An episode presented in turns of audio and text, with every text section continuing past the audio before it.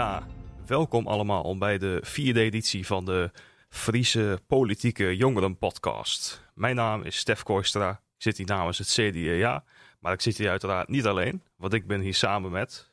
Susan Drent, voorzitter van de JOVD Friesland. Zoe Stevens, ik zit hier namens de Jonge Socialisten. Yes. En we gaan het vandaag uiteraard hebben over het belangrijkste politieke evenement van het jaar. De Tweede Kamerverkiezingen. We gaan vandaag een nabeschouwing doen van niet alleen de uitslag, maar ook de campagnes. En we gaan natuurlijk even kijken naar mogelijke coalities die gevormd kunnen worden. En we gaan ook even spreken met uh, Rieks Ozinga over wat hij van de verkiezingen vond. Maar uh, laten we maar gewoon beginnen. Uh, de campagnes. Wat viel ons op? Wat ging goed? Wat ging minder goed? Ik zal zelf even beginnen. Over het algemeen vond ik de, verkies uh, de campagnes vrij saai. Er gebeurde niet zoveel. Bleef allemaal een beetje hetzelfde. Ja, mee eens. Ja, dat denk heel ik ook. Veel, heel veel vuurwerk zo. Op het laatst was nog op het slotdebat met uh, Sigrid Kaag en Wilders. Dat het echt nog wel even vuur was. Maar over het algemeen viel het allemaal heel erg mee. Ja. ja, het was voornamelijk een beetje flyeren aan huizen. En op straat was er weinig te zien. Minder dan de vorige verkiezingen. Dus ja, daarom was het best wel een saaie, saaie campagne. Ja. ja, en ook de peilingen die verschoven niet zo. Dus uh, was niet zo uh, veel Nee. vuur. Was ook niet een, echt een uitdagen van de VVD, hè? Nee, en ik, ik denk ook wat het een beetje was, is dat ehm, sowieso altijd bij debatten is dat een beetje leuk om het onderscheid te zien van partijen. Maar wat op een gegeven moment een beetje opviel, is dat bij veel linkse partijen ze allemaal een beetje hetzelfde verhaal vertelden. En dat ze meestal ook begonnen met, ja, maar we zijn ook wel gewoon bondgenoten, hè. En dan op hele kleine details eh, verschillen ze van mening. Ik denk dat het daar ook wel iets minder vuur was. Ik bedoel, vroeger had GroenLinks echt als, nou ja, ehm, groot kenmerk als een van de weinigen die al heel erg druk bezig waren met klimaat. Nu zie je eigenlijk dat elke linkse partij dat heeft overgenomen. Zelfs de VVD heeft het gedeeltelijk overgenomen. CDA volgens mij ook, want het wordt eigenlijk voor iedereen een groot agendapunt. Dus ja, ik denk dat daar ook op links was er ook niet echt vuurwerk of zo. Maar ja, ik weet niet, misschien... eh, Nee, ik denk, denk dat dat wel klopt. Eh, Ja, er was weinig uitdaging. En ik denk inderdaad dat de linkspartijen steeds meer op elkaar beginnen te lijken. Waardoor het voor de kiezer ook misschien nog wel verwarrender wordt. Van hey, nou, op welke linkspartij moet ik dan stemmen? Want ze zijn eigenlijk vrijwel hetzelfde. ja. Eh, op bepaalde puntjes natuurlijk kleine afwijkingen. Maar ja, ik denk dat daar ook eh, een deel van de winst voor de D66 eh, uit is voortgevloeid. Dat eigenlijk ja, mensen op links niet meer vonden wat ze wouden vinden. Ja, Ja, dat denk ik ook. Want eh, vroeger zag je nog wel dat je dus één grote leider had op links. Bijvoorbeeld in 2012 was dat eerst Emiel Roemer. Toen later verschoof dat naar Samson. Maar ja, nu was het erg verdeeld. In het begin zag je wel dat Klaver die positie een beetje probeerde op te eisen met zijn uh, stembasakkoord. Maar dat liep ook niet zo lekker. Dus Ja, en hij begon ook al heel erg snel met eh, Lilian. eh wie is het, waren er nog meer? Lilian en Lilian en... ja, eh, Sigrid. Ja, precies. dat het al heel snel Ja. een samenwerking was. En nou ja, weet je, ik denk inderdaad dat D66 het daarbij iets beter heeft gedaan. Ze hebben zich nu iets anders en veel linkser geprofileerd. Waardoor ik denk, ze, ja, ze hebben echt heel veel stemmen bij links dan weggehaald. Dat Ja. links heeft nu echt een historische nederlaag eigenlijk weer. Ja, Tenminste, historisch weinig zetels in de Kamer. ja 25 of zoiets, Ja. of 26 als je PvdA, GroenLinks en SP. SP. Optelde was volgens mij 25. Ja, Dat is echt... Eh, in de afgelopen 12 jaar is dat volgens mij echt bizar gekelderd. Volgens mij iets van 68 of 78, ik weet het niet precies. Ik las dat gisteren ergens. Dat dat eh, echt heel veel gedaald is. Ja, en ook ehm, wat ik dan zo opvallend vond, ik had het niet echt aanzien komen. Ik, ik, je wist al de peilingen dat sommige partijen het niet gingen doen, maar ik vond dat Marijnissen, die deed het, vond ik, echt verrassend goed. Ze was altijd hartstikke energiek en ze ging met iedereen lachend in debat. Ik dacht Ja, van dat ja, vond ik ook. Die was ja. ook heel scherp steeds. Ja. Die eh, had echt, ja, had haar feiten goed voor elkaar. Maar nu even om het eh, te ordenen. Als we het hebben over de partijen die het goed hebben gedaan. Eh, ja, wat denken jullie daar qua campagne? qua de campagne. Ja, ik denk wat de VVD heel erg slim heeft gedaan. En dat heeft Arjen Lubach toen volgens mij ook een keertje benoemd. Was dat eh, het ging echt helemaal om Mark Rutte. Gewoon elk klein ding was gelijk eh, overal Mark Rutte in beeld. En het heeft goed gewerkt, blijkt. Maar ja, het- je mist nu wel echt het VVD-verhaal. Want het wordt langzaam een klein beetje een Mark Rutte-verhaaltje. Dat is niet erg, want ze hebben het gewoon hartstikke goed gedaan nu. Maar ja, op een gegeven moment valt Mark Rutte ooit een keer weg. Weet je, hij gaat ooit een keer ophouden. En dan wat? Weet je, Klaas? Dijkhoff. Ja, precies. Klaas Dijkhoff was dan een klein beetje, nou ja, net als dat de CDA de prinsen had, zeg maar.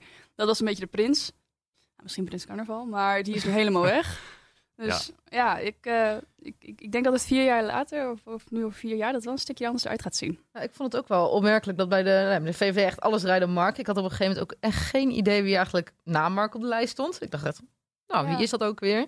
Ehm, Maar die zag je ook ja. nergens hoor. Want de tweede is volgens mij Tamara van Ark. Die is nu minister. Ja, klopt. Maar heb je die, die heb ik niet bij talkshows gezien. Bente Becker wel en Dylan, dat zijn de vier en vijf. En Aukje zag je af en toe nog, dat is eh, nummer acht. En die woont ook in Leeuwarden. Ehm, maar voor de rest, je zag heel weinig mensen. Alleen Mark. Ja. Ja. En ik denk dat het ook wel een voordeel is geweest dat natuurlijk Mark heeft het hele jaar op de televisie gezeten met zijn Ja. hoofd. En iedereen kent Mark Rutte. En ik denk ook wel dat dat een voordeel is geweest voor de VVD. Dat heel veel mensen zoiets hadden van, oh, Mark heeft het wel goed gedaan tijdens corona. Hij gaat hier, hier, ook weer ons uitkrijgen, zeg maar. Ja, en ook als je even heel eerlijk bent en even gaat kijken naar het eerste debat toen bij RTL. Iedereen moest nog een beetje hun weg vinden in hoe ze zijn debat moesten aanpakken. Nou ja, Jesse Klaver, die had het al een keer eerder gedaan. Nou, die had zijn dominee eh, stemmetje op. Nou ja, dat sloeg dus niet heel goed aan. En ja, met mijn zusje dit en mijn zusje dat. Maar op zich, kijk, Mark Rutte, die heeft dat gewoon vaker gedaan. Die heeft die ervaring. Die staat daar een stuk rustiger. En hij heeft gewoon echt de autoriteit van een premier straalt hij uit. Dus ik denk dat het daar ook bij de campagne dat Mark Rutte gewoon een, een hele sterke leider lijkt. En dan vergeten mensen denk ik heel snel wat er afgelopen vier jaar fout is gegaan. Ja, want Juist. op de een of andere manier was men de toeslagenaffaire ook al wel Ja, weer vergeten. echt verschrikkelijk, maar het ging er ook amper over. Maar ja, ik ben eigenlijk wel benieuwd, want stel je voor Pieter Omzicht was lijsttrekker geworden. Denk je dan dat het anders was geweest? Eh, ja, dat denk ik wel. Maar om even terug te komen eerst op de VVD-campagne. Want wat je eigenlijk zag, oké, Mark Rutte zijn populariteit was sky high. En dat is eigenlijk te verklaren door het rally around the flag effect. Dat is het effect als je een land hebt in oorlogstijd of crisis, gaat iedereen achter de leider staan. Dus dat was de strategie van de VVD. Zo ver mogelijk bij de inhoud vandaan blijven. En zoveel mogelijk Mark Rutte neerzetten als de corona-crisismanager. En één ding eh waaraan je dat kon zien, dat was bijvoorbeeld het achtergrondje bij de Ja, VVD-spotjes. dat bedoelde ik net, Ja. ja. Ja. dat, dat was een blauw achtergrondje. En die leek verrassend veel op eh, ja, de achtergrond bij de corona. Ja, Ja. ja, klopt. Die. Dus ehm, ja, dat hebben ze heel goed gedaan. En het was ook heel voordelig voor de VVD dat de verkiezingen eh, zijn geweest wanneer ze zijn geweest. Want het begon een beetje terug te lopen. Hè? Want eh, volgens mij een paar weken terug stonden ze nog op 45 zetels. En dat was inmiddels teruggelopen tot eh, iets boven de 30. Ja. Dus ik denk als de verkiezing eh, nog een week later was geweest, dan eh, hadden we misschien wel een andere uitslag gehad. Maar over omzicht. ehm, ja, ik denk het wel. Dat je een andere uitslag had gehad. Ehm, want omzicht heeft toch wat meer ervaring, wat meer debatervaring. Zit ook langer in de politiek. En wat je ook ziet, ja, Wopke Hoekstra, hij zei het al. Hè, wat, wat, wat, hij wou de job al in het begin niet. Hij zei, ik ben meer een bestuurder dan een politicus. En ik denk dat je dat eh, hebt teruggezien in de campagne. Ja, dat denk ik ook. Dat denk ik ook wel. Maar dan snap ik dus niet echt helemaal, want je had dus die verkiezingen afgelopen zomer. Vier kandidaten. Nou, die vierde, die, hoe heet die? Max van Halvert? Of zo? Ja, Martijn van Helvert. Ja, nou, die zie je helemaal niet meer terug. Dan Mona Keizer, ja. Of Monica Keizer of Mona Keizer? Mona Keizer. Net Ja. maar trouwens, Martijn van Helvert, die kan er nog wel in komen hoor. Oh. Want die is eh, heel populair in het zuiden van het land. En die heeft eh, best wat voorkeurstemmen Ja, gekregen. op welke plek staat hij ongeveer? Ja, niet heel hoog. Eh, nummer 27 geloof ik. Of 26. Nou, het is wel een spannende tijd dan voor hem. Ja. ja. Maar dan had je dus ook nog echt een nek-aan-nek race tussen Hugo de Jong en Pieter Omzicht. Echt in een kleine percentages een verschil. En dan toch een paar maanden later kiezen ze voor Wopke Hoekstra. Terwijl ik denk van, je weet dat je leden, die willen graag Peter of Pieter Omzicht. Dus ja, ik, ik weet niet Ja. hoe die keuze daar is gegaan. Maar ik, ik denk ook Die dat... heb ik ook niet helemaal begrepen, Nee, eigenlijk. want ik denk dat als ze Pieter Omzicht er had gestaan, dan had je, ehm, denk ik, dat het veel meer ook over de fouten van het kabinet eh, was gegaan. Ja, meer op de inhoud, denk ik. Ja, want hij is echt inhoudelijk is hij heel erg sterk. Echt Ja. heel erg sterk. En dat En, ook je heel gepassioneerd. Met de laatste debatten eigenlijk, dat, dat merk je ook wel bij Pieter Omtzigt, dat hij echt wel nou, problemen aan de kaart wil stellen en echt ook oplossingen zocht. Ja, En, en, ik denk dat Wopke dat eigenlijk minder deed, ook omdat hij natuurlijk in de eh, corona ja, in het kabinet zit. zat. Ja, weet je wat eigenlijk een beetje eh, het grote argument was om, om zich niet te kiezen? Dat het niet echt een leider is. Mensen die dachten dat hij niet tegen de partij kon verbinden. Omdat het toch een beetje een Einzelganger is. En hij doet zijn eigen ding en daar is hij heel goed in. Maar dat is niet echt een leider. Maar persoonlijk had ik hem wel als eh, lijsttrekker gezien hoor. Want, want Ja. hij doet iets nieuws. Hij heeft veel goodwill bij de bevolking. Iedereen die kent hem ook. Eh, maar dan is de vraag, is dat echt eh, de uitstraling van het CDA? Want, hij is heel kritisch op de macht. En de CDA, is- dat is natuurlijk een bestuurderpartij. Ja, maar hij is niet. overdreven kritisch. Hij gaat gewoon op zoek naar fouten. En die weerlegt hij weer aan degene die aan de macht zijn. Zoals ik denk het ook hoort te zijn. Maar hij is wel de grondlegger van de Rutte-doctrine en, en, en het bedenken daarvan en het benoemen daarvan. Ja, precies. Dus ik denk dat als dan had de VVD het veel zwaarder gehad tijdens de campagne. Want nu vloog Mark Rutte er doorheen. En, Had geen ehm, weerstand. Nee, Mark hij had Rutte. geen weerstand. Want ook omdat Sigrid Kaag was eigenlijk zijn tegenstander, was de tweede grootste partij nu. Maar die zat ook gewoon met hem in het kabinet. En ik, volgens mij was... CDA ook, hè? Ja, precies. Dan maar krijg je een omzicht die zijn eigen mensen aan gaat vallen. Ja, dat komt ook nooit sterk over. Nee. Ik denk dat ze daar heel erg bang Ja, waren. ik denk... En wat Ik het denk ook was in het begin, eh, nou ja, nu nog steeds wel natuurlijk, maar stond Hoekstra er gewoon heel goed voor. In alle peilingen van wie mensen Ja. als premier zagen, stond Hoekstra altijd pal onder Rutte. Hij was Ja. heel populair binnen de partij. Hij was ook buiten de partij erg populair. Dus op zich snap ik de keuze heel goed hoor. Ja, kijk, en, maar dan alsnog, ehm, dan is het wel belangrijk om alvast van tevoren in te schatten hoe gaat deze persoon het doen eh, voor heel veel camera's tijdens zo'n campagne. En bijvoorbeeld, ja, ik, ik denk gewoon dat Pieter Omtzigt daar een beter had gedaan. En inderdaad, het komt misschien voor sommigen gek over dat hij tegen zijn eigen partij ingaat. Maar ik vind het juist heel moedig. En ik zou echt wel tussen, nou ja, ik ben echt geen CDA, maar ik, het was, zou wel voor mij een twijfelgeval zijn geweest omdat je gewoon dan iemand hebt die gewoon oprecht politiek, zeg maar, nou ja, eh, bedrijft. En dat is gewoon iets wat je, ja, dat komen heel veel mensen die durven niet kritiek te uiten naar hun eigen partij. En hij wel. En dat vond ik juist heel erg krachtig. Ja, ik ben het eigenlijk wel met je eens. Want ik denk ook vooral na zo'n toeslagenaffaire, waarin gewoon heel veel dingen fout zijn gegaan, denk ik dat dus een Pieter Omtzigt, die dat soort dingen ook benoemt, daarin ook veel sterker naar voren komt. Want mensen willen verandering, mensen willen niet weer eh, in de schulden terechtkomen of wat dan ook. En zo'n Pieter Omtzigt, die wel echt fouten benoemt, eh, ondanks dat het zijn eigen partij ook betreft, ja, hij benoemt het wel gewoon. Ja, het en hij doet wel, eerlijk. ja, het is gewoon eerlijk en oprecht. Ja, wat overigens wel weer heel cynisch is, is dat de partijen die dat dus aan de kaart hebben gesteld, CDA en SP, die zijn juist gigantisch gedaald. Ja, Dus het heeft ze niet veel opgeleverd dat in komt die denk zin. ik omdat, ehm, want diegene die heeft het aangekaart bij SP, die stond op nummer 10, volgens Nee, mij. nummer twee. Nummer 2 was dat? Oh, huh? oh, ik dacht nummer 10.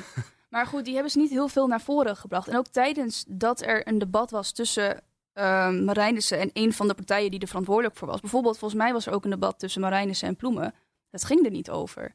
Kijk, en natuurlijk is dat omdat Asscher gewoon nu al is gestopt en het een beetje trappen tegen een dood paas zou zijn. Maar alsnog, het, het werd gewoon nergens benoemd. Nee, klopt. Het le- leek echt alsof heel Nederland het ook een beetje vergeten was. Ja, wat ik en dan echt denk ik, volgens mij is het, zijn die mensen nog steeds niet geholpen.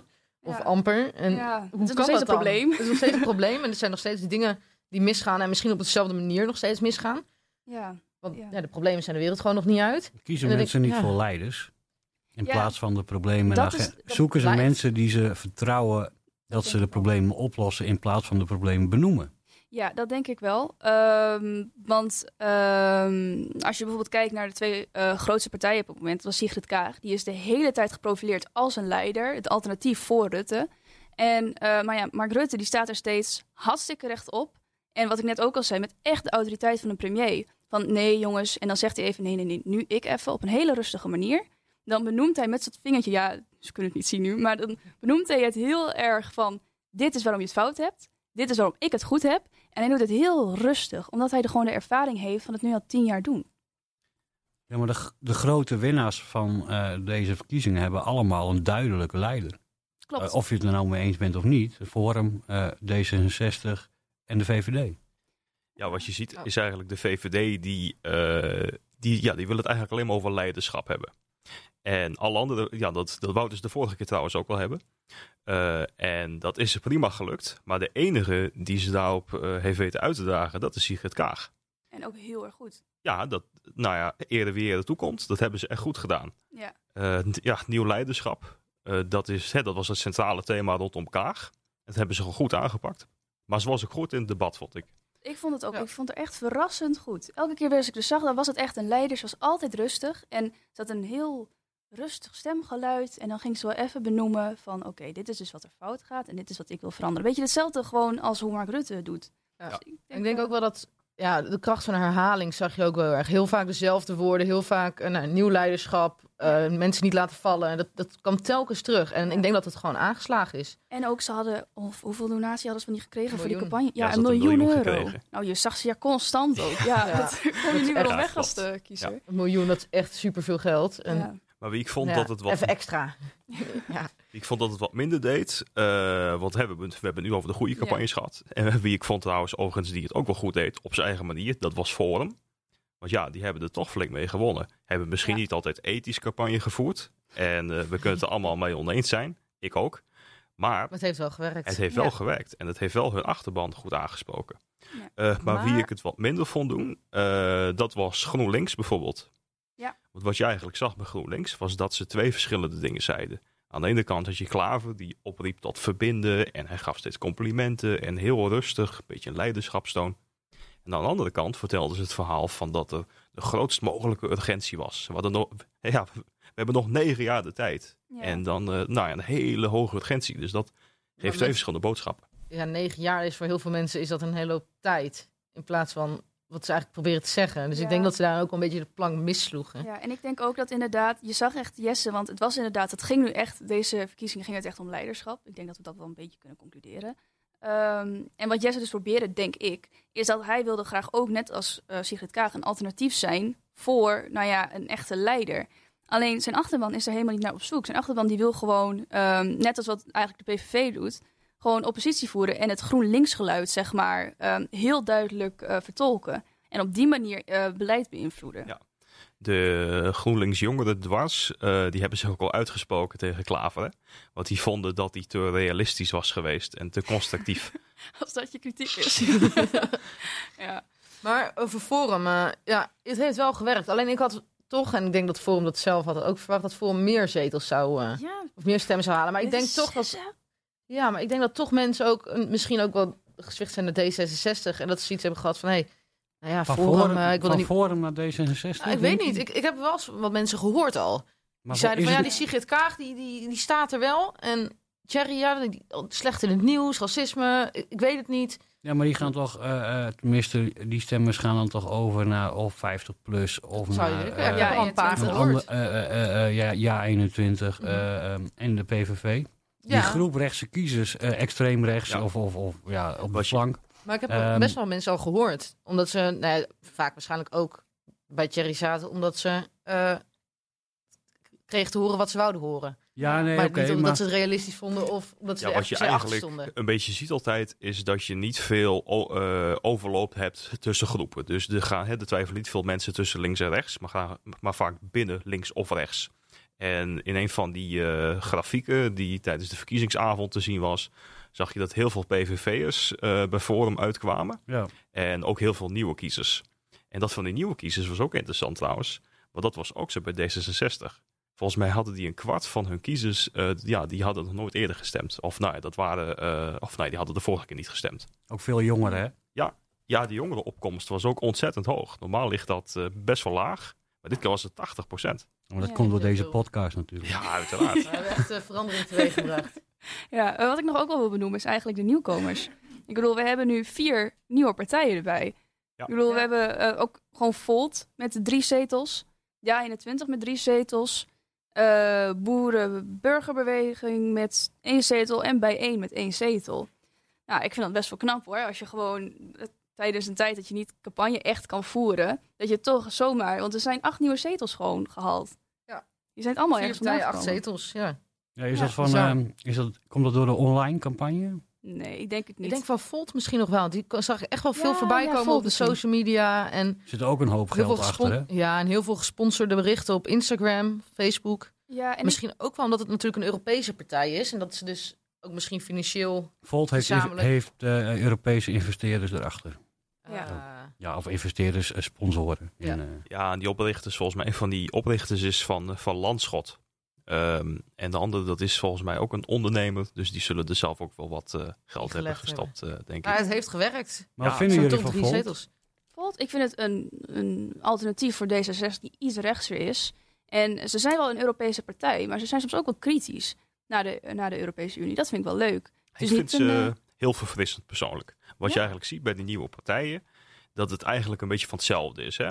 Bijvoorbeeld Ja 21, dat is een alternatief voor eh, extreem rechts. Nou, zijn Eh, vaak ook je, hebt, je, hebt, afsplitsingen. je hebt bijvoorbeeld bij 1, dat, nou, diversiteitspolitiek, dat zien we ook al bij GroenLinks en bij Denk.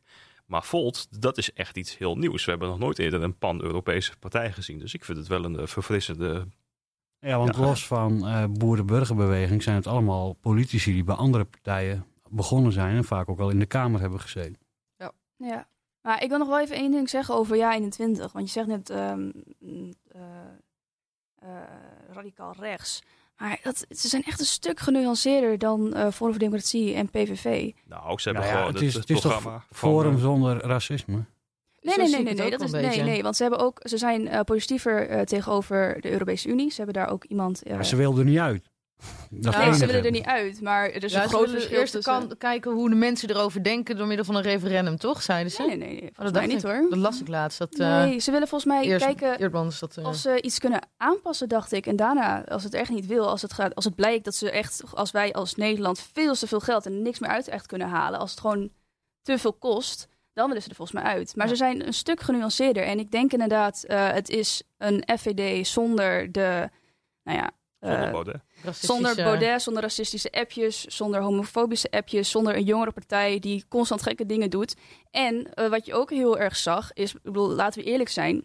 Een van de grote redenen waarom Forum voor Democratie zo groot is, is omdat ze gewoon tegen corona zijn. Wat natuurlijk ontzettend korte termijn visie is. Ja, maar ik ben ook tegen corona. Ik ook, maar ja. Ja. iedereen is tegen corona, denk ik. Ik weet niet welke gekke voor is, maar Eh, de virologen en de farmaceutische industrie misschien. ach, ja, wat een onzin. Hey, Ja, maar ik denk dat echt iedereen wel klaar is met corona. Maar dat Thierry dat natuurlijk extra veel benoemde. Dat dat echt wel voor heel veel mensen die ook op Malieveld hebben gestaan. En eh, die zoiets hebben gehad van... eh, oh, bij Thierry moeten we wezen. Want die, Ja. die komt op voor onze, onze vrijheden. Terwijl maar dat is best wel sneu. Echt, iedere politieke partij is er wel klaar mee. Maar Ja. hoe kom je er vanaf? Op Ja. een fatsoenlijke manier waar je niet mensen in de steek laat. Ja, en dat is niet de manier van de heer Baudet, denk ik. Ik, ik denk gewoon dat heel erg veel mensen ontzettend eh, nou ja, depressief en zonder toekomst eh, naar de huidige tijd ook kijken. En gewoon, ze zijn wanhopig. En daar komt iemand aan die zegt, ik los dit voor jullie op. Jouw onderneming gaat weer open, weet je. Jij kan weer lekker naar school, je kan weer lekker stappen met je vrienden. En mensen Ja. die daar gewoon gevoelig voor zijn, die zullen denken, hey, dit geluid staat mij aan. Andere partijen zeggen dit niet, omdat het gewoon Niet niet, zo realistisch is. maar wel- D66 heeft tuurlijk, ook gezegd, hè? Iedere partij wil zo snel mogelijk er vanaf. En D66 heeft dat inderdaad eh Met volgens een- mij ook wel een keer benoemd. als je gevaccineerd bent of getest, mag je meer. Maar even een ander aspect van jaar 21. eh, en dan ga ik wel even naar de coalitievorming toe. Eén voordeel wat hun wel hebben, is dat ze al acht senatoren hebben Ja, in de Eerste Kamer. Want Nicky gaat nu naar ehm, de Eerste Kamer, of de Tweede Kamer, want die is de nummer twee op de lijst. En er, komt, er is dus iemand die op de lijst van FVD stond, die nu eh, de eh, Eerste Kamer in gaat. Het is nog niet duidelijk waar die bij wordt. Volgens mij Ja, wordt hij bij groep Otten, ja. Ja.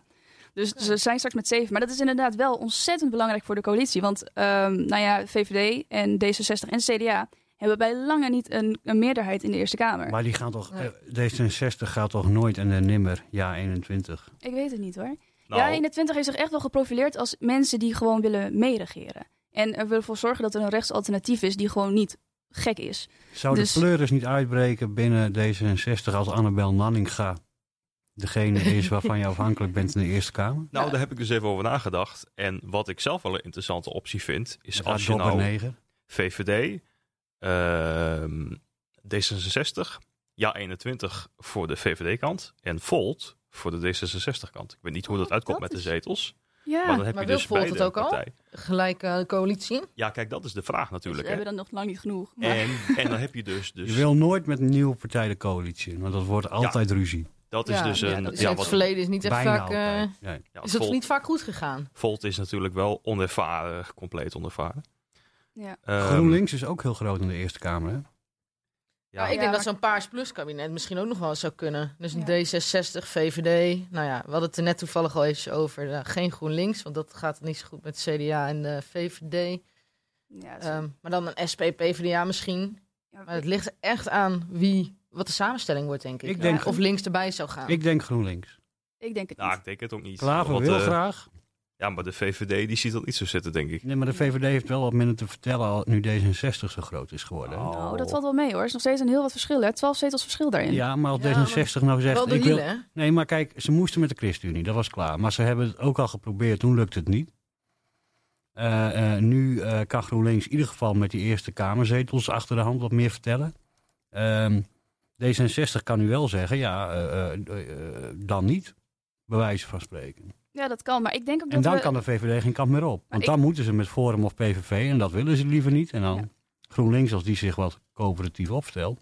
Ehm, maar wat ik wel denk wat er gaat gebeuren en wat ook werd benoemd, volgens mij, ik weet niet meer welk debat meer of bij welk interview, maar dat wilde Mark Rutte graag. Die wilde eerst gewoon een heel korte termijn kabinetsvorming, ehm, zodat ze gewoon corona kunnen aanpakken. En dan eh, een tijd later weer een keer om de tafel om de rest in te vullen. Maar ik denk sowieso dat bij Ja, zo'n Ja, versplinterde ik ben daar politiek... niet zo fan dat van, van dat voorstel. Ik denk dat het, volgens mij waren de andere partijen daar ook niet zo fan van wat ik las in het nieuws. Maar waarom zou je niet gewoon dat allebei gelijk doen en ook gewoon een soort apart departementje maken of ministerie voor corona, zodat de rest gewoon zijn eigen ding weer kan doen. Want nu staat echt alles stil. Ja. En dat je dan gewoon één persoon of één eh, ministerie verantwoordelijk maakt voor corona en dat de rest gewoon zijn ding gaat doen. Ja, Want nu staat het gewoon stil. En als je nu een coalitie alleen maar baseert op corona en daarna weer coalitieonderhandelingen hebt en weer, dat, dan verlies je heel veel tijd, denk ik, om de rest en de andere problematiek aan te pakken. Ja, je verliest er inderdaad wel tijd op. Maar ik weet niet, ik denk dat sowieso we een beetje naar een eh, minder groot eh, eh, regeringsakkoord gaan. Want we komen steeds met meer partijen hebben we nodig om een coalitie te vormen. Dus op een gegeven moment denk ik dat er gewoon bepaalde dingen niet meer in komen te staan. En dat ze dat gewoon overlaten aan de Kamer. En op die manier, dat denk en ik dat dan wel. misschien een coalitie gevormd wordt door moties bijvoorbeeld. Dat je gewoon een motie komt en iedereen stemt gewoon wat hij zelf wil stemmen en dan kijken hoe ver het komt. Want kijk, inderdaad, wat net ook werd gezegd, ja, 21 en D66, dat gaat echt niet lukken qua eh, en Europa, denk ik. Eh, en klimaat, dat wordt hem gewoon niet. Maar ehm, op zich, als je zulke dingen ehm, misschien niet bespreekt, of gewoon een beetje een gedogen kabinet is dat toch? Ja, een vrije kwestie maakt. Ja, precies. Want dat is ook eigenlijk wat, ehm ja, Forum voor Democratie, die zei het vier jaar geleden ook al. moet wel een klein beetje op gaan letten met, ehm, hoe heet het ook alweer? Dat de, ehm eh, oh, ik weet zo even niet meer hoe het heet. Ga eigenlijk een beetje naar een zakenkabinet toe, hè? Dus dat alles, eh, Per Ja. onderwerp besloten wordt. ja, dat je dus niet echt een coalitie hebt, maar dat je gewoon een, eh, ja, een aantal ministers als managers hebt. Ja, want ik, ik denk ook, want dat, kijk, wat je nu een beetje zag, is dat eh, de coalitiepartijen stemden altijd mee met het kabinet. Ja. Altijd. En ik snap dat ze Maar daardoor dat kwam bijvoorbeeld heel veel dingen kwam er Precies. niet van tafel. Bijvoorbeeld nou, waardering voor de zorg. waren bijvoorbeeld echt ook wel VVD'ers of CDA's die dat ook wouden. Ja. Maar omdat het kabinet dat niet wou, werd Ja. het tegengestemd. Precies. En vervolgens had je elke keer één stemmetje te weinig. Ja, en ik maar denk... zo hoort het toch ook? Dat is toch coalitievorming? D66 die... Ja, maar als eh, jij... Nee, maar je, gaat elkaar toch helpen aan meerderheden? ja, maar Omdat alsnog... hè, VVD die heeft campagne gevoerd met punt A, eh, D66 met punt B. Eh, je hebt een tijd gehad dat dan beide niet doorging, maar gewoon ook van ja... kijk, en- D66 het vrijwillig levenseinde in wil voeren en de VVD die wil eh, 120 rijden of 130 rijden, dan ga je elkaar helpen om eh, Dus- die meerderheden ja, te geven, Maar wat dat- toch? heel moeilijk lijkt? Eh, want kijk, eh, we hebben nu 18 partijen of 17 partijen in de Tweede Kamer. Dus stel je voert dat in. Ik denk dat je heel moeilijk aan meerderheden gaat komen. Ja, en ik, wat ik daar ook inderdaad over wil zeggen, kijk, dat is realistisch. Een paar jaar terug met alleen PvdA en VVD. Dan kun je gewoon zeggen, oké, we gaan ons hele verkiezingsprogramma een beetje tegen elkaar uitspelen. Maar dat kun je gewoon niet doen als je Met heel veel partijen zit. heel veel partijen zit. En ik denk ook niet dat heel veel mensen in de D66 eh, eh, dat wil, omdat er natuurlijk een, eh, een, een bepaald rechtsblok is, wat wel een meerderheid kan krijgen als je Forum, PVV, CDA, VVD Ja. bij elkaar optelt. Die zullen misschien niet met elkaar willen regeren, maar die kunnen wel in de vrije kwesties dan hun zin doordrijven. Ja. Dus misschien moet je wel eh, gewoon zeggen van als D66, dit willen we. En dat kunnen ze ook eisen nu, hè? En dat moeten ze ook doen, denk ik. Maar Maar dan heb ik nog wel even een punt. Eh, want gisteren zijn de fractievoorzitters dus bij elkaar gekomen om een eh, formateur of een informateur, ik haal het altijd door elkaar heen, volgens mij een informateur aan te stellen. verkenners is nog. Een verkenner, Oh ja. Dat is hem. En dat zijn er twee geworden. Dat is uh, Jorritsma van de VVD en dat is Ollongren van eh, D66. Eh, ja, wat vinden jullie daarvan? Ja, als we een taak uit weten te voeren en op een gegeven moment terugkomen met informatie die nuttig is om zo snel mogelijk een coalitie te vormen. Nou ja, als er daar twee voor nodig zijn, ja, ik, ik heb Ja. er niet echt bezwaren op. Maar ik weet ook niet wat de bezwaren zouden kunnen zijn hoor. Ik weet niet. eh, Nee, ik zie er ook geen probleem in. En ik denk als zij gewoon hun werk goed doen. Ja. En gewoon ook zo snel mogelijk eh, nou, Ja, met voor, goede eh, informatie komen. Voor 31 maart. Ja, dat is best Ja. snel. En ik denk met z'n tweeën, nou, twee kunnen altijd nog- meer dan één. Dus Dus de verkenning, het, hè, 31 maart komt een nieuwe Tweede Kamer voor het eerst bij elkaar. Wordt iedereen beëdigd. En dan wordt er ge- gedebatteerd over de uitslag en het rapport van de, eh, ehm, van de verkenners. En die zullen met een voorstel komen. Nou ja, het lijkt mij een, een, een vruchtbare kans hebben dat deze partijen met elkaar gaan praten. Dan komt daar een informateur bij. Ehm, en dan, als ze eruit komen, dan komt er een formateur. Dat is vaak de beoogd minister-president die de poppetjes aan gaat wijzen. Dan weet jij ook het verschil tussen informateur en formateur. Kijk, Eh, dan leren we nog wat. eh, ja. hier. Maar ehm, ja, die verkenners moeten uitzoeken welke partijen kans zouden hebben om met elkaar samen te gaan werken. Ja. Juist. Ja, ik ben heel benieuwd eh, Ja, ik ook. Naar wat ze gaan doen. Ik heb hier even de coalitiebouw erbij gepakt. maar op zich zou bijvoorbeeld de VVD, D66, SP, PvdA en bijvoorbeeld Volt, ChristenUnie of dat zoiets zou ook nog... Zit je met vijf partijen. Dat is veel. Dat Ja. is echt heel erg veel. Want dan ga je nooit meer krijgen dat je eh, dat je, je hele verkiezingsprogramma met elkaar kan uitspelen. Dan moet je bepaalde Maar onderwerpen... SP en PvdA, nou, die sluiten al redelijk Ja. op elkaar aan. Ja, ik heb nog Dus- een vraagje daarover. Is het niet gewoon een keer tijd dat links een beetje gaat fuseren? Nou, ik denk helemaal na nu deze nederlaag, again, Ja. een nederlaag op links, dat dat wel steeds realistischer wordt dat dat gaat gebeuren. Ja. Fuseren is halveren, toch? Nee. Hoe staat, eh, Ja. hoe staat de. Partij van de Arbeid eigenlijk 50-50. tegenover, eh, Eh, de leden, eh, de stemmingen was volgens mij de laatste keer tegen. Echt, ja, maar het is elke keer een beetje 50-50. Ja, want En bij zich- GroenLinks weet ik dat ze het sowieso niet wouden. Maar ja, Maar nu krijg je heeft dan- GroenLinks natuurlijk Krijg je wel... gewoon een, een, een, een net niks? Nee. Ja, kijk, weet je wat We ik... hebben heel veel vlakken, bijvoorbeeld GroenLinks en PvdA. Kijk, GroenLinks Ja, maar dat kijkt gaat om- net wat anders tegenaan. Op, eh, Het gaat toch om de DNA van de partij. Eh, GroenLinks zijn activistische milieumensen op sandalen en, eh en, en geitenwolle sokken, bij wijze van spreken. En eh, eh, de PvdA is toch wel de arbeiderspartij. Nee, dat is, al, dat, is al helemaal, dat is niet meer van deze tijd, denk ik. Ik denk eh, dat... Is dat niet juist het probleem? Dat ze zich daarvan vervreemden? Sowieso, ik denk hè? dat dat wel het probleem is geweest. Ook voor de PvdA. Dat, Ja, dat, eh, eh, nou, we in 2017 hebben gezien. Met eh, alle zetels die we verloren. Dat het toch wel, omdat we een beetje verder van ons eigen ideaal gingen staan. En ik denk dat GroenLinks dat misschien nu ook wel meemaakt. Want de PVV pakt allemaal eh, ehm, de gewone man.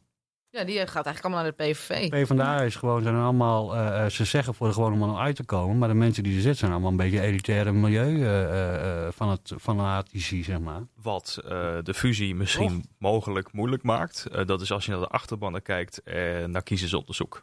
Want wat je ziet is dat de achterban van de PvdA eh vrij oud is. En dat de achterban van GroenLinks eh, heel anders is. Dat zijn vaak jonge, hoogopgeleide mensen uit eh, grote steden. En die vinden ook eh, bepaalde dingen ook eh, ja, belangrijker. Bijvoorbeeld Partij van de Arbeid, kiezers, die vinden sociale zekerheid veel belangrijker dan eh, GroenLinks-kiezers. En GroenLinks-kiezers die vinden klimaat weer net wat belangrijker dan, ehm, ja, dan de Partij van de Arbeid. Dus ik denk dat dat het nog wel moeilijk kan maken. Ja, het ligt echt aan hoe het dan ingekleed wordt en hoe je, ja, wat dan een partijprogramma gaat worden. Ik denk, ja, om het zo in één keer te doen, denk ik niet dat dat gaat werken. Dan ga je heel veel kiezers verliezen. Maar als dat echt grondig gedaan wordt met een goed programma, dan zou het misschien wel een nou ja, optie kunnen zijn. Maar waarom gaat het zo slecht met de sociaaldemocratie in West-Europa? Ik denk de toepassing van, want als je kijkt naar eh, bijvoorbeeld Scandinavië, daar zijn, zijn de Sociaaldemocraten best groot, maar die zijn wat op migratievlak wat rechtser.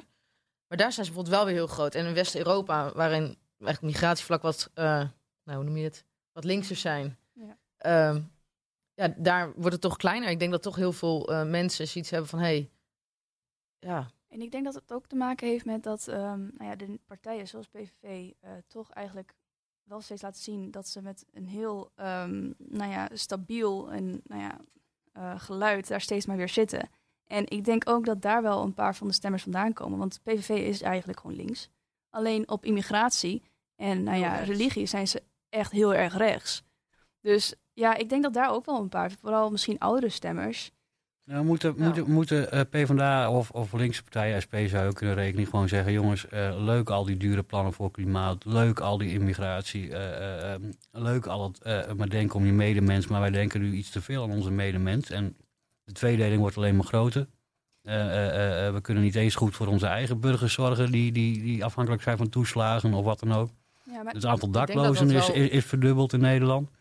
Waarom eh, eh, ehm, ik denk als een beetje hoor soort- ik de, de PvdA of SP zo weinig over? Ja, ik denk dat als we misschien de PvdA dat net zo zou gaan doen als in Scandinavië, dat dat echt ook in Nederland heel veel zetels zou kunnen opleveren. ja, want Of we eigenlijk... dat willen, dat is dan weer wat anders. Ja, maar, want je, je hoort PvdA ook eigenlijk nooit kritisch over immigratiebeleid. nee, ja, en- laatst volgens mij. Maar ook Maar- klimaat zijn ze ook niet kritisch over. En daar gaat ontzettend veel geld naartoe. En ik denk dat daar ook een beetje wel het vandaan komt. Dat misschien een beetje de onvrede is bij de, links, de linkse stemmer. En dat ze daarom nu naar PVV gaan. Wat denk ik ook meespeelt, is dat eh, rechtse partijen een beetje linkse thema's hebben gekaapt. Maar als je nog even ziet naar deze, eh, ja, deze verkiezingen, was zorg een groot thema. Eh, en zorg is natuurlijk een traditioneel links thema. Maar dat hebben linkse partijen niet echt uitgebuit. Want als je bijvoorbeeld kijkt naar het verhogen van de zorgsalaris een paar maanden terug, waarbij de coalitie is eh, weggelopen, weten jullie allemaal vast nog wel. Eh, Moeilijk te vergeten. wie, had, ja, wie, wie heeft dat thema gekaapt? Dat was niet de SP, dat was niet de Partij van de Arbeid, dat was niet GroenLinks, dat was Geert Wilders. Ja. En eh, ja, ze kunnen ook niet zoveel. Want je ziet nu dat de rechtse partijen, de VVD en het CDA, die geven een record aantal aan, aan staatssteun uit. Dus ja, dat is ook een links iets. Kunnen ze ook niet zoveel mee. Dus ja, het links heeft het gewoon heel lastig. Maar zo slecht gaat het toch niet in de zorg? Jawel. Ja. Ik, nee. denk, ik denk dat we het nu wel hebben gezien. Kijk, dat was dan wat we nu vooral hebben eh, gezien de af, het afgelopen jaar. Is vooral de ziekenhuiszorg. Maar als je kijkt naar de ouderenzorg, dat is niet meer te doen. Er zijn zoveel lage bureaucratieën in de ouderenzorg. En het is zo lastig om mensen die echt een passie hebben voor de zorg, om nog gewoon, ehm, nou ja, ehm, met heel veel liefde hun werk uit te voeren. Want het wordt voor ze heel, veel te druk. Ja. En het probleem wat je in de zorg hebt, is dat, ehm, nou ja, vooral in het noorden, wat ik dan weet, ehm, is dat ehm, er komen veel te weinig jonge mensen bij in het personeel. Ik bedoel, de gemiddelde leeftijd eh, ligt denk ik wel boven de 40 bij een eh ouderenhuis in het personeel. En ik denk dat dat ook een probleem is. Ja, ik denk dat omdat de werkdruk zo hoog is in de zorg en het inkomen, Ja, eh, het, inkomen is niet hoog. Voor helemaal voor de verzorgende. voor- ja, In het ziekenhuis valt wel mee, toch? kijk, een chirurg verdient prima. Nee, maar En ook, de- de- ook een verpleger in een ziekenhuis eh, verdient eh, best goed, toch? In een ziekenhuis. Ja, HBO. Maar je hebt ook heel veel. MBO-mensen. En die mensen die voeren ook heel veel werk uit. Maar die krijgen veel minder betaald. Daarom vond ik het... Ik schrok ook echt toen ze weg gingen rennen. Ik dacht, wat doe je nou? Ik bedoel, je Ja. kan toch wel gewoon heel even nu... Vooral die verzorgende, zeg maar, die verzorgende IG en de verzorgende niveau 3, die mensen, die verdienen eigenlijk nou niet goed. Hebben Ja. wel een best wel hoge werkdruk en steeds meer regeltjes waar ze gaan moeten houden. Heel veel verantwoordelijkheid Heel veel verantwoordelijkheden. En soms mo- moeten ze toch spuitjes zetten terwijl ze daar helemaal geen licentie voor hebben. Even een kleine nuancering aan geven. Want als je het Europees gaat bekijken, ehm, zitten eh, die groep mensen die worden redelijk betaald in Nederland. Ja, maar kijk, we kunnen wel heel veel dingen vergelijken. Maar het gaat hier gewoon om Nederland. Dus dat vind ik een beetje... Ja, en wie Kijk, moet het betalen? Nou ja, kijk, ik heb bijvoorbeeld ook nog steeds toppinkomens in de zorg. Dat een directeur van zo'n oudere eh, zorginstelling eh, opeens met een ton per jaar naar huis gaat. Dat is toch helemaal niet erg? Nee, ja, dat Nee, maar dat is niet erg. Maar als diegene alleen Nou, Nee, waarom? Dat, dat, dat zijn Nou, een paar omdat- mensen nee, die... maar- die, Maar je- als er iemand anders dan niet eh, voldoende inkomen krijgt en alleen maar hoge werkdruk, dan vind ik het niet eerlijk dat die ene een ton krijgt die lekker het bureau zit op Ja. kantoor. En dat degene die het harde werk moet doen en vastzit in een systeem, 20.000, 30.000 euro per jaar verdient. Als, die misschien nog niet directeur, als die directeur ervoor zorgt dat, dat een bedrijf van meer dan duizend werknemers goed loopt. Maar dat is het dus. dat loopt het loopt dus dus niet goed. Nou, dat weet En- je niet. Tuurlijk wel. bonus, na, bonus naar bonus en het loopt niet goed. Ja, het, het, het- kijk, we gaan steeds meer mensen de zorg uit. Er gaan steeds meer mensen de zorg uit dan dat er binnenkomen. misschien Omdat een het leuk gewoon niet onderwerp aantrekkelijk voor, ook is. voor een andere podcast is dit wel een leuk onderwerp een keer over zorg Ja. te hebben. Exact. Want ik, maar ja, het is misschien nog wel uren over doorgaan. Met een manager en een verpleegkundige aan tafel. Oh, ja, leuk.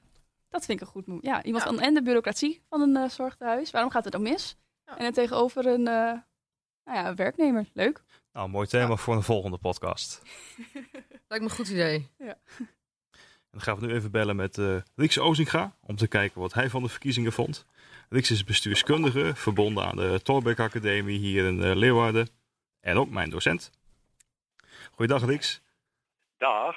Uh, hoe heb jij de verkiezingen een beetje gevolgd uh, woensdag? Nou, ik moet zeggen dat ik wel blij was dat uh, de stembusgang er was. Want ik vond het over de algemeen een wat ja, vlakke uh, campagne. Er zijn ook wel allerlei redenen voor. Maar ik was blij dat uh, echt de stembusgang ook begon. Dat je toch een beetje de energie van die verkiezingen kan voelen. En ja, alles wat er speelde heb ik zoveel mogelijk geprobeerd mee te pikken als een echte politieke junkie. Uiteraard. Dus tot half twee gekeken? Uh, nou, net iets eerder. Maar het was toch wel zo'n beetje rond één uur uh, dat ik uh, dacht van nou, nou is het wel duidelijk. Ja, precies. Ja, zo zat ik ook, ook een beetje in. Ja. En um, ja, wat viel eigenlijk op tijdens de campagnes? Ja, wat ik net ook al zei, was natuurlijk een beetje noodgeboren dat, dat heel veel online ging. Maar wat mij toch wel heel erg opviel, was dat ja, die, die online campagnes dat er ook wel een beetje eenrichtingsverkeer is. Hè? Je moet ook wel een beetje op zoek, uh, een beetje oppassen dat je uh, ook een beetje buiten je eigen filterbubbel uh, online gaat. Om ook ja, echt wel dingen van andere partijen te zien. Dus ik vond, ja, ik vond die dynamiek, met name die online dynamiek, dat, nou, dat gaf mij niet echt een heel positief gevoel. En ik miste ook wel gewoon een beetje de energie van de campagnes die je normaal gesproken ziet in allerlei bijeenkomsten, op markten en uh, lekker posters plakken met elkaar. Hè. Dus ook dat soort dingen. Ja, dat maakt het een beetje dat ik die campagne een beetje, ja, een beetje vlak vond. Ja, dat hadden we het ook al een beetje over. Ik noemde de campagne eerder al uh, saai. En dan had je bijvoorbeeld de, nou ja, online had je, had je wel livestreams en uh, live sessies en dat soort dingen. Maar dat werd toch niet echt spannend, vond ik zelf. Nee, iedereen is ook een beetje schermmoe natuurlijk. Hè? Dus, dus dan, dat ook nog eens een keer op zo'n scherm, dat maakt het allemaal niet energieker. Nou, wat ik ook wel uh, aan die campagnes opvallend vond, was dat, het, maar het gaat meer over de campagne boodschappen, zeg maar.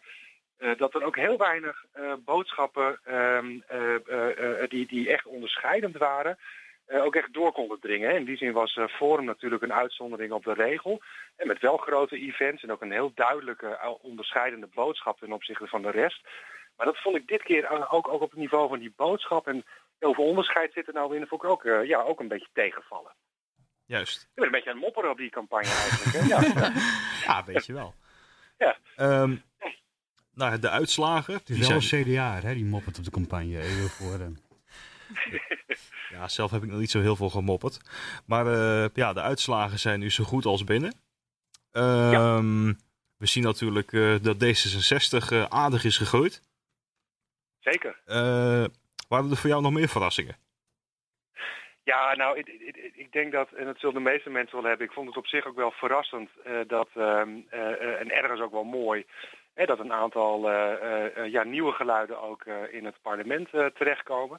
van ja 21 tot, tot Volt. En bij één, hè, dat vind ik op zich, nou dat is opvallend, omdat het niet vaak nieuwe partijen lukt om door te dringen. Dat zijn eerder ook afsplitsingen. Ja, Forum is ook hier weer een beetje uitzondering op de regel geweest de afgelopen tijd. Dus dat vond ik, nou, vond ik opvallend. Ja, wat ik ook wel opvallend vond, is dat, uh, uh, en dat gebeurt niet zo heel vaak, dat het huidige uh, kabinet, het demissionaire kabinet, en wat toch ook de volle vier jaar heeft uitgeregeerd, beloond wordt aan het einde. Hè? Want als, ze de, als je de zetels van de coalitie bij elkaar optelt, hè, dan pakken ze er ook nog een paar extra. Ja, dat zie je toch ook niet heel vaak gebeuren, met uiteraard de VVD vier aan kop daarbij. maar die twee dingen die vielen mij aan de uitslag het meest op. En wat mij daarnaast ook nog wel heel erg opviel in positieve zin. Ik moet niet steeds mopperen natuurlijk. Eh, maar in positieve zin ook wel heel erg opviel was de opkomst. En met name ook de opkomst onder de jongeren. Ik zag percentages voorbij komen dat ongeveer 80% van de jongeren ook gestemd heeft. Ja, dat is natuurlijk hartstikke positief. Want daar was ik van tevoren wel een beetje ja, bezorgd over. Van nou, uh, komen mensen ook echt wel, ook onder deze omstandigheden, in voldoende mate naar de stembus. Ja, om ook een uitslag te hebben die ook, uh, die ook echt een goede reflectie is van wat er speelt in de samenleving. Ja, precies. Ja, dat viel me ook wel op, die, uh, die, die hogere jongerenopkomst. Ja. Um, je zei het net al een beetje, die, uh, dat er heel veel nieuwe partijen zijn. Volgens mij zitten er nu 17 partijen in de Kamer. Nou, ja. dus je kunt spreken van uh, flinke versplintering. Ja. wat voor effect gaat dat hebben op de besluitvorming, denk je, in de toekomst? Ja, ja, ja um, uh, aan de ene kant kan je natuurlijk zeggen, en ik geloof ook wel dat dat, dat voor een deel waar is, dat ja, dit maakt het er niet makkelijker op. Hè, als je tot brede compromissen in de Kamer wil komen. En dat nou zeker met, uh, ik denk, een aantal hele grote vraagstukken die dit kabinet het komende jaar uh, al aan zou moeten pakken. Ja, dan wil je ook zo breed mogelijk gedragen ja, besluitvorming in de Kamer. Ik denk dat dat moeilijk wordt. Omdat je, nou ja, net wat je zegt, verspint het veel nieuwe meningen. En ook echt wel uit elkaar liggende meningen. Zet bijeen en ja 21 maar eens tegenover elkaar. Tegelijkertijd, eh, en dat vind ik wel weer positief, ja, er zijn toch best wel een aantal nieuwe partijen die hun entree in onze parlementaire democratie hebben gevonden. Dat is ook een liefding waard. Kijk, ons systeem werkt nou eenmaal zo. En daarom hebben we ook een lage kiesdrempel dat uh, in principe als je wil en kan, uh, uh, dat het ook mogelijk is om in die Kamer terecht te komen. Dus, dus ja, die besluitvorming zal wel wat lastiger worden. dat geloof ik ook wel. maar tegelijkertijd de vraag of het altijd erg is als het gaat over de representatie. nou, daar denk ik een stuk, stuk positiever over. Ja, ik had eigenlijk ook nog een vraagje. Ehm, we hebben eigenlijk wel gezien dat er bepaalde lijsttrekkers waren tijdens de campagne die het heel erg goed deden. Anderen deden het iets minder goed. wie vond jij eigenlijk, nou wie was eigenlijk je favoriet? Mijn favoriet? Ja, uh, goede vraag. Nou, ik moet zeggen uh, dat uh, ik Sigrid Kaag met name in de laatste drie weken echt wel heel goed vond. leek ook een beetje dat ze haar, dat ze haar rol wat had gevonden. die gekke gimpen uit en gewoon terug naar wie ze zelf was. Ik denk dat dat echt wel geholpen heeft. dus nou, die, die vond ik met name de laatste drie weken in positieve zin echt wel opvallen. Wie mij in positieve zin ook wel opviel, dat was Farid Azarkan van Denk. die toch deze campagne een hele andere toon wist te vinden. Uh, met ook een hele positieve boodschap. Uh, en ook een aantal hele leuke gimmicks uh, in de campagne. Zoals de reactie op dat nieuwsuurfilmpje van Arjan Lubach. Ja, hè, ja. ja maar ik vond ook in zijn media optredens heel scherp. en scherp ook op de inhoud. het is ook gewoon een goed Kamerlid. maar in campagnes kwam het meestal bedenk niet heel goed van de grond. Maar dat vond ik ook wel positief opvallend. Het heeft zich niet echt vertaald in, in zetelwinst. maar hij viel me wel op, ja. Ja. En wie was, nou ja, wie, vond je het slechtst? ja, nou dan heb je wat meer keuze. uh, ja, ik vond, ik vond persoonlijk uh, vond ik Wopke Hoekstra erg tegenvallen. eigenlijk al vanaf het moment dat Hugo de Jong op het schild werd gehezen, was natuurlijk in de partij bij het CDA al heel veel roep om Wopke de grote verlosser. Nou, die vond ik echt niet goed uit de verf komen. En zoals hij zelf ook al zei een paar maanden geleden, ik ben meer bestuurder dan politicus. Ik denk dat dat wel klopt. Uh, ging wel een klein beetje beter uh, aan het einde van een campagne, maar dat vond ik echt tegenvallen. Uh, maar hetzelfde gold bijvoorbeeld ook voor, voor Liliane Ploemen van de Partij van de Arbeid. natuurlijk ook nog niet zo lang lijsttrekker, dus er valt ook wel iets op te nuanceren. Maar die lukt het ook niet echt om een scherp verhaal neer te zetten. Sterker nog, die zag steeds de verbinding op, waardoor het eigen punt niet naar voren kwam. Dus dat vond ik ook wel wat tegenvallen. Ja, dat zagen we, we hadden het net ook even kort over gehad. Ehm, dat de linkse partijen eigenlijk elkaars bondgenoten nu echt zijn. En uh, nou ja, ze eigenlijk geen vuurwerk tussen hun in hadden. Is dat ook een van de redenen waarom uh, nou ja, links toch slecht heeft gescoord? Ja, ik denk dat dat meespeelt. Hè? Want uh, als je verhaal niet scherp genoeg is, dan horen de mensen het ook niet. Maar ik denk wat daar bovenop ligt, en dat heb ik in de analyses omheen nog niet zo heel veel gehoord, maar volgens mij is het wel waar, is dat uh, met name uh, de VVD eigenlijk al sinds uh, we in, de, in, in, in de coronacrisis zitten, eigenlijk heel veel onderwerpen waar links eigenlijk probeert op te scoren, hè, met name op de arbeidsmarkt en de woningmarkt, eigenlijk heeft overgenomen. dus als het gaat over een beter minimumloon, uh, wat uh, bijvoorbeeld bij de SP een belangrijk speerpunt was, ja, daar gaat de VVD inmiddels ook voor. En als het gaat over het verbeteren van de woningmarkt uh, voor de lagere en middensegmenten, nou, daar ging de Partij van de Arbeid heel sterk voor, maar daar ging de VVD gaandeweg het afgelopen jaar ook voor. Hè. Dus ik denk dat de campagne ehm, van ehm, tussen haakjes rechts uh, ook wel een heel groot deel op de inhoud wind uit de zeilen heeft gehaald bij de campagne van de uh, traditioneel wat meer linksere partij. Ik denk dat dat ook wel een hele belangrijke rol heeft gespeeld. En dat maakt het extra lastig ja, om zichtbaar te worden. Ja. Hoe denk je dan, uh, Rieks, um, hoe denk je dan dat links dat anders moet gaan doen over vier jaar? zodat ze niet nog meer zetels verliezen of uitsterven, zeg maar. Ja, kijk, campagnes zijn natuurlijk altijd, ja, uitsterven, dat, dat, dat, is, dat is wat heel ver. Maar eh, kijk, campagnes die, uh, die, die worden natuurlijk zichtbaar altijd zo'n zo beetje in een periode voor de verkiezingen. Maar die worden opgebouwd eigenlijk in de, in de jaren daarvoor al. In wat je doet, uh, in hoe je handelt, hoe je je gedraagt en waar je profileert. Uh, gewoon in je parlementaire en politieke werk. En uh, ik denk dat de Partij van de Arbeid op zich wel aardig onderweg was om uh, om een nieuw verhaal uh, op te bouwen. Met ook een gezicht wat daar uh, goed bij paste. Ascher. Ehm, maar ik denk dat, dat ze het gewoon echt in de laatste fase van de campagne... ook met de switch van een campagneleider hebben laten liggen. En dat is niet iets uh, ja, dat, moet je dan de volgende keer beter doen. Maar er zit volgens mij ook wel een fundamenteel verhaal onder. Ik denk dat um, heel veel van de uh, ja, wat meer fundamentele vragen die links adresseert... en ook wel terecht zijn. Hè. Dan heb je het over klimaat, dan heb je het over gelijkheid, over sociale inclusie... Uh, dat het ze gewoon niet echt goed lukt uh, uh, om dat soort frames, niet alleen rond verkiezingstijd, maar ook gewoon zichtbaar te houden in, in zeg maar het twee, drie jaar voordat zo'n campagne echt losbarst. Want dan herkennen mensen het pas.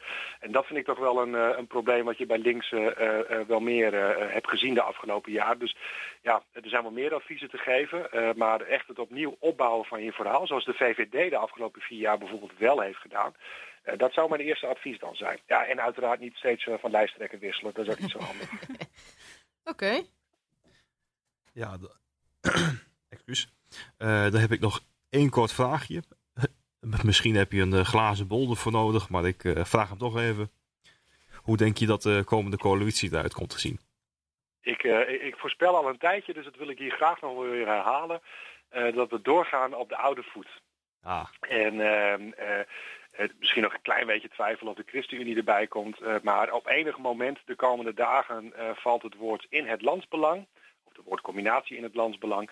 En dan schuift het CDA wel weer aan. En, eh, en de ChristenUnie uiteindelijk ook. Dus ik denk dat dat, ehm, eh, eh, eh, eh, ja, da- da- daar zou ik mijn fles wijn op inzetten. Ja. ja. Oké, nou ja, we gaan het zien. Ja. Rix, bedankt voor je, je wijze woorden. Hoi, ja, leuk dat ik als eh, trouwe luisteraar in jullie podcast mocht zijn. Oh, wat leuk. Ja. Hartstikke leuk. Eh, ja. Goed zo. Nou, tot ziens.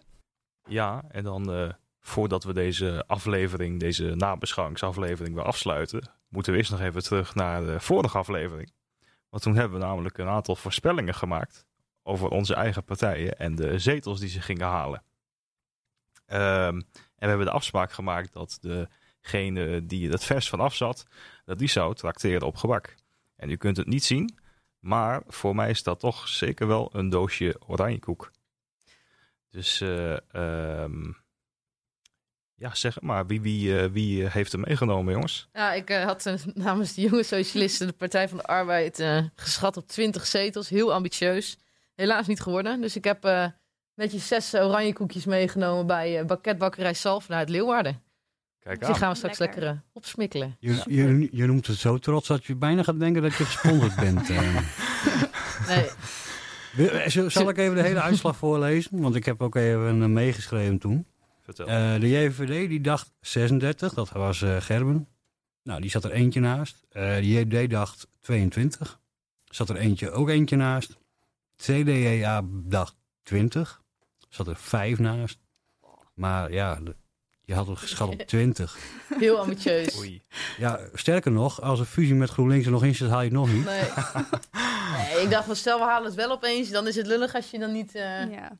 als je het te laag inschat. Nou, je moet ik- altijd een beetje vertrouwen erin hebben. Ik hè? vind het wel leuk dat je zo optimistisch was. Dat vind ik wel leuk. Precies. Ja, het is Ja, toch Ja, een beetje... ambitieus Nou blijven. ja, je hebt geluk dat, eh, of pech misschien, dat eh, Thierry Baudet en ehm, de jonge Forum van Democratie, jongere partij, niet meedeed, want die dacht op 76 uit te komen. Hoe ze dat uit hebben kunnen denken. Geen Ja, ik zag wel Ah. exit polls voorbij komen van 84 zetels. eh, ja. Als ze dat vandaan hebben gehaald. Ja, Ja. echt. en, en- maar ja, als je dat gelooft, eh, dan verbaas je wel als Rutte weer premier wordt natuurlijk. Ja, Ja. Nou, ik Ja. denk dat ze dat eh, van dezelfde eh, nieuwsbron als waar ze hun coronafeiten vandaan hebben gehaald. Dat denk ik ook, ja. ja. Zal zoiets zijn. Ja. Juist. Maar eh, eh, ja, dan wou ik het hierbij laten eigenlijk. Dus eh, eh, eh, ja, we hebben alles eh, goed grondig doorbesproken. We hebben een paar eh, voorspellingen gedaan.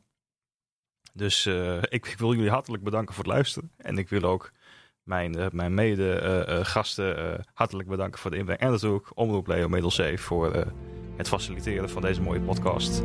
En dan zie ik u de volgende keer weer.